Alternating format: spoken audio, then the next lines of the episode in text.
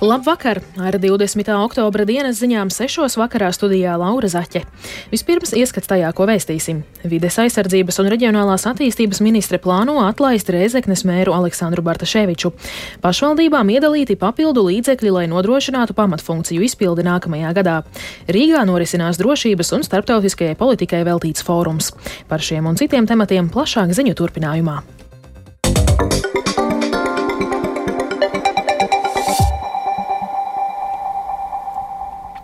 Vides aizsardzības un reģionālās attīstības ministre Inga Bērziņa no jaunās vienotības plāno atlaist partiju kopā Latvijai pārstāvošo Reizeknes pilsētas mēru Aleksandru Bartaševiču. Tā Bērziņa pavēstījusi raidījumā, kas notiek Latvijā. Lēmumu par finanšu grūtībās nonākušās Reizeknes mēra atlaišanu ministre iecerējusi pieņemt tuvākajā laikā. Bērziņa arī prognozēja, ka Bartaševičs lēmumu apstrīdēs tiesā. Līdz šim ministrija apsvērusi divus variantus - vai nu mēra, vai nu visas Reizeknes domas atlaišanu. Tā ministra izklāstīja stāstīja Latvijas radio. Joprojām pastāv divi varianti. Šobrīd mums ir pietiekami materiāli, lai atbrīvotu Rēzekļu smēru no amata.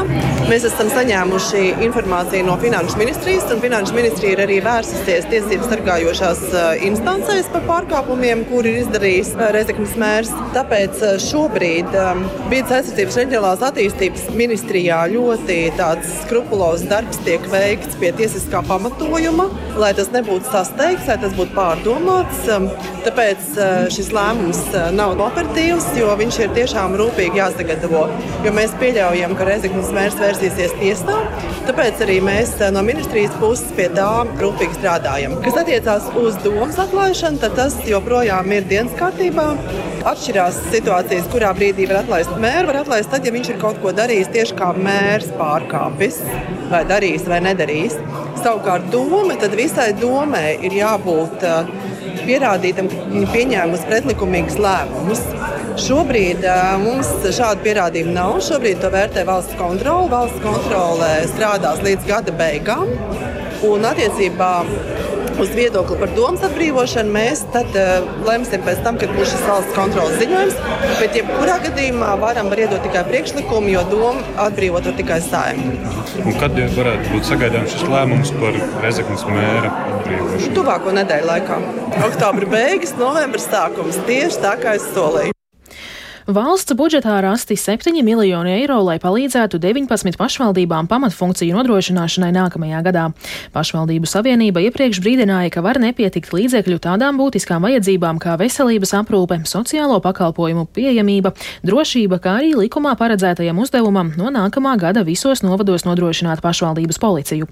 Finanšu ministrija šo budžeta nepietiekamību piedāvāja uzlabot par 2,3 miljoniem, um, taču šodiena pašvaldību savienības doma padomes sēdēm premjera Evika Siliņa no jaunās vienotības paziņoja, ka šo vienreizējo dotāciju palielinās.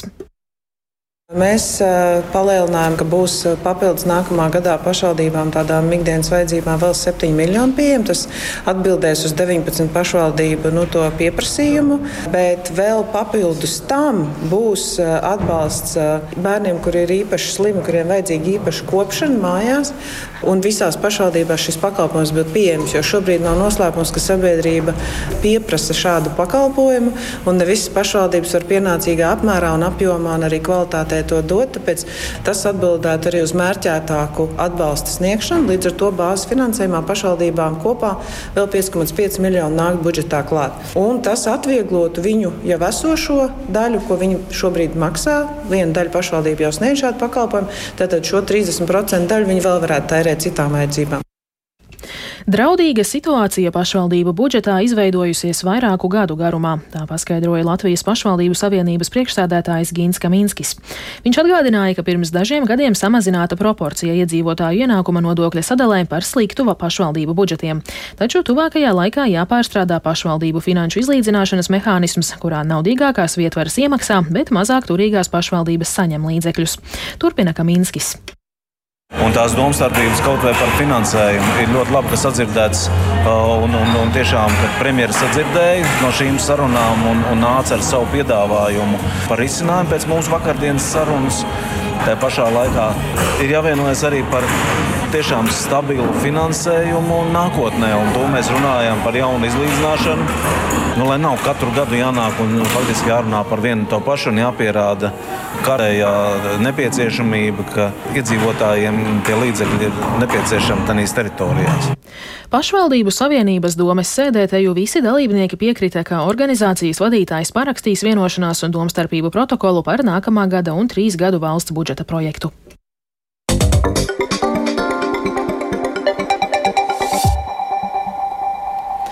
Eiropa piedzīvo izaicinošus laikus, un tie ir piespieduši pārvērtēt līdzšinējo attieksmi pret drošību. Ir vēl ļoti daudz darāmā, lai Eiropa kļūtu par spēcīgāku spēlētāju uz globālās skatuves. Šādi ir pirmie secinājumi no diskusijām drošības un starptautiskajai politikai veltītajā fórumā Rīgas konference, kas Latvijas Nacionālajā bibliotēkā sākās šodien un turpināsies vēl rīt. Par fórumu stāsta Uldis Ķēzberis. Konferenci ar uzrunu atklāja valsts prezidents Edgars Rinkēvičs, un uh, viņš uzsvēra, ka Eiropa Krievijas kara Ukrainā apstākļos ir saglabājusi vienotību, ir spējusi sniegt milzīgu atbalstu Ukrainai un uh, vienlaikus stiprināt arī savu drošību un noturību. Un viņa prāt, Eiropa šajos nu, 18 mēnešos, kopš ir uh, sācies Krievijas pilna apmēra karš Ukrainā, ir kļuvusi spēcīgāka. Rinkēvičs arī norādīja, ka rietumiem pašlaik ir jātiek galā ar diviem nopietniem izaicinājumiem, jo bez jau mūsu zināmā zināmā Krievijas kara Ukrainā bažas rada arī Izraels karš ar teroristisko organizāciju Hamas, kas var pāraukt plašākā reģionālā konfliktā. Klātesošos uzrunāja arī Eiropas Savienības iekšējā tirgus komisārs Thierry Bretons, kurš atzina, ka Eiropa līdz šim atvēlēja pārāk maz līdzekļu savai aizsardzībai, bet pēc Krievijas pilnā apmēra iebrukuma Ukrainā Eiropieši beidzot attapās, nu, ka drošība ir tas, kurā ir jāiegulda daudz, daudz vairāk, un Bretons arī izcēla jaunizveidoto Eiropas aizsardzības fondu, kura mērķis būs stiprināt militāro militāro rūpniecību un pētniecību aizsardzības jomā. Savukārt Latvijas ārlietu ministrs eh, Krišāns Kariņš norādīja, ka Izraels karš ar Hamas ir novērsis pasaules eh, mediju uzmanību no Krievijas kara Ukrainā, taču politiķu fokus eh, gan nedrīkst no turienes pazust, jo Krievijas agresija Ukrainā, kā mēs zinām, joprojām turpinās un tur turpinās frontē ļoti smagas cīņas. Rīt konference turpināsies un diskusijās tiks spriests par uh, visaptverošu stratēģiju Ukrainas drošībai, uh, par to, kā notiekošais Indijas un Klusā okeāna reģionā ietekmēs transatlantisko kopienu, tātad arī Eiropu, un uh, to, vai Eiropas ekonomikai būtu jāpielāgojas ilgstošam karam. Teroristiskais grupējums Hamas piedāvājis atbrīvot dažus ķilniekus apmaiņā pret pamiera pasludināšanu. Izraēlas puse pagaidām tam nav piekritusi. Tā vēsta Brītu raidorganizācija BBC. Gazas joslā teroristu gūstā šobrīd atrodas 203 cilvēku, tā vēsta Izraēlas armija. Tikmēr rietumkrastā, turpinoties palestīniešu un Izraēlas drošības spēku sadursmē, vairojas bažas, ka karā iesaistīsies citas puses. Turpina Rustams Šukūrovs. Kā vēsta raidorganizācija BBC, Telavīvu atbalstošās rietumvalstis bažījies, ka Izraēlas cīņa pret teroristisko grupējumu Hamas varētu izvērsties plaša mēroga karā, kurā var tikt ierautas Libāna ar Irānas atbalstīto teroristisko grupējumu Hezbollah un rietumkrastā dzīvojošie palestīnieši. Izraēlas mediji norāda, ka šo pušu iesaistes rezultātā karā izveidosies otrā un trešā fronte. Situācija rietumkrastā ir ļoti saspringta. Ziņu aģentūra Reuters vēsta, ka kopš kara sākuma 7. oktobrī rietumkrastā sadursmēs ar Izraēlas drošības spēkiem un Izraēlas kolonistiem dzīvību zaudējuši vairāk nekā 70 palestīnieši. Savukārt 800 cilvēki tika apcietināti. Konflikts Gazā un iespējamā kara darbība šajā reģionā ir ietekmējusi arī apkārtējās valstis, kas līdz šim ir bijuši iecienīti turisma galamērķi. Nestabilās situācijas dēļ šobrīd nav ieteicams doties atpūtas ceļojumos nevien uz Izraēlu, bet arī uz tās kaimiņu valstīm. Bet kā uz situāciju reaģē paši ceļotāji? To klausieties Paulas Dēvicas ierakstā. Alīna ar ģimeni šobrīd atrodas Šārmelšeihā, Eģiptē. Eģipte robežojas gan ar Izrēlu, gan Gazas joslu, kur šobrīd notiek kara darbība.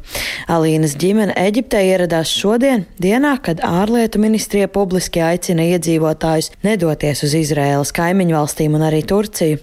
Tomēr Alīna Latvijas radio skaidro, ka ceļojums bija ieplānots jau sen. Tomēr šaubas par drošību esot bijušas. Mēs pētījām, ļoti pētījām to, kas šeit notiek, un mēģinājām sazināties ar cilvēkiem, jo jau nav tā, ka pirmo reizi esam šeit, Eģipte un tieši Šarmal Šeiha.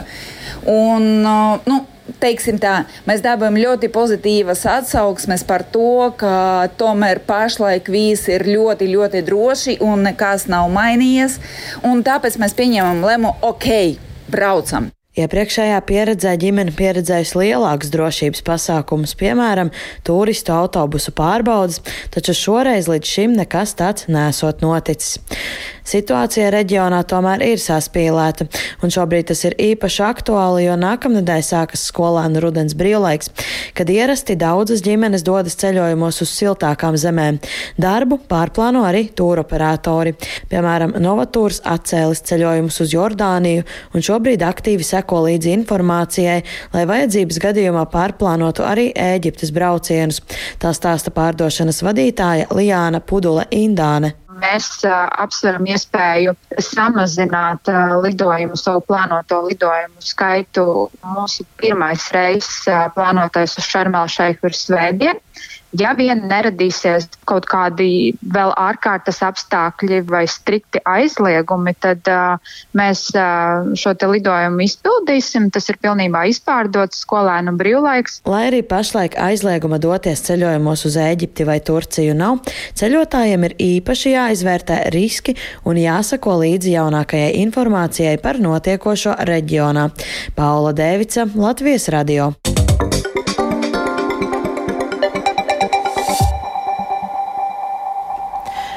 Stūra māju stabu un brīvības ielas stūrī kā turisma objektu izlems saglabāt arī pēc nākamā gada 7. maija, kad tam draudēja slēgšana. Par to, kā tas tiks risināts un kāda ir ēkas un tur iekārtotās ekspozīcijas situācija šobrīd, stāsta Ieva Puķa.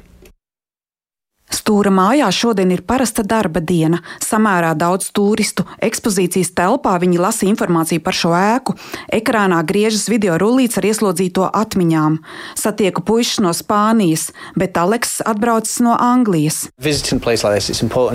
Apmeklējot šādu vietu, ir svarīgi iemācīties mazliet vairāk par vēsturi. Tas tev dod vairāk konteksta, kad tu staigā šeit pa ielām.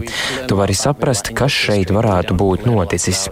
Mēs Anglijā Latvijā daudz mācāmies par savu vēsturi, bet krietni mazāk par Baltijas. Jā, šāds muzejs ir svarīgs izglītošanai gan viesiem, gan vietējiem. Ir labi arī, ka tas ir bez maksas. Mēs gaidījām, ka būs jāmaksā. Uzzinājis, ka esmu ieradusies stūra mājā, jo šodien kultūras ministrijā notiek kārtēja apspriede, vai tai būtu arī pēc 7. maija, kas izziņots kā iespējama okupācijas muzeja pāraudzītās ekspozīcijas slēgšana, turists brīnās, tiešām tas taču ir tik nozīmīgs objekts. To atzīst arī okupācijas muzeja direktors Solvita Vība. Interese saglabājas, interese ir ļoti liela. Šo pēcpusdienu kultūras ministre Agnese Logina no progresīvajiem tikās ar Solvitu Vību, lai pārunātu sasāpējušo jautājumu par finansējumu. Neatliekamo darbu veikšanai stūra mājā šobrīd nepieciešami 847 tūkstoši eiro. Pagraba pārseguma remontam un valsts ugunsdzēsības un glābšanas dienesta konstatētās bīstamības novēršanai. Šodien izdevies vienoties, ka kultūras ministrijai šīs summas sagādāšana būs prioritāte. Tā tiek pieprasīta, ir šis ziņojums ministru kabinetam sagatavots. Valsts nekustamajiem īpašumiem, no kuriem okupācijas muzeja biedrība īrē telpas, varēs sākt darbus, kad vajadzīgā nauda būs pieejama. Bet okupācijas muzejam kultūras ministrijas apsolījums ļaušot sākt darbu pie jaunās ekspozīcijas. Ieva Puķa Latvijas radio. Un vēl Rīgā Krišjāņa barona ielā 99C šodien svinīgi iemūrēta kapsula topošās komandas sporta spēļu halles pamatos. Halle būs mājvieta basketbolam un daudziem citiem komandu sporta spēļu veidiem un iekļausies Daugavas stadiona kompleksā. Būvniekam objekts jāpabeidz aptuveni gada laikā, un tas izmaksās 21 miljonu eiro no valsts maka. Ar to izskan 20. oktobra dienas ziņas. Producents Edgars Kupčs ierakstus montēja Uldis Grīnbergs, pieskaņu pults Rīta Kārnača, bet studijā Laura Zaķe. Vēl tikai par laikapstākļiem. Rīgā šobrīd ir 4 grādi un pūš austrumu vējš 5 m2. Atmosfēras spiediens 762 mm, relatīvais gaisa mitrums 75%, bet par laiku turpmāk stāsta Toms Brīcis. Sesdienas nakts vēl paies bez nokrišņiem un būs vēsa - minus 3,2 grādi, Rīgas līča piekrastē kurzemē plus 3,5 grādi. Sesdien debesis apmāksies, priekšpusdienā līs kurzemē un vietām zemgalē, bet līdz vakaram nokrišņu zona aptvers visu Latviju. Vidzemē un ziemeļlatgalē sākotnēji sniks, vēlāk sniegs pāries Lietuvā, taču vietām paspēs izveidoties līdz 3 cm bieza sniega kārtiņa. Un austrumu vēbrāzmas sestdien 12, 17 ziemeļkurzemes piekrastē ap 20 m2. Temperatūra sasniegs dienā plus 1, plus 6 grādus.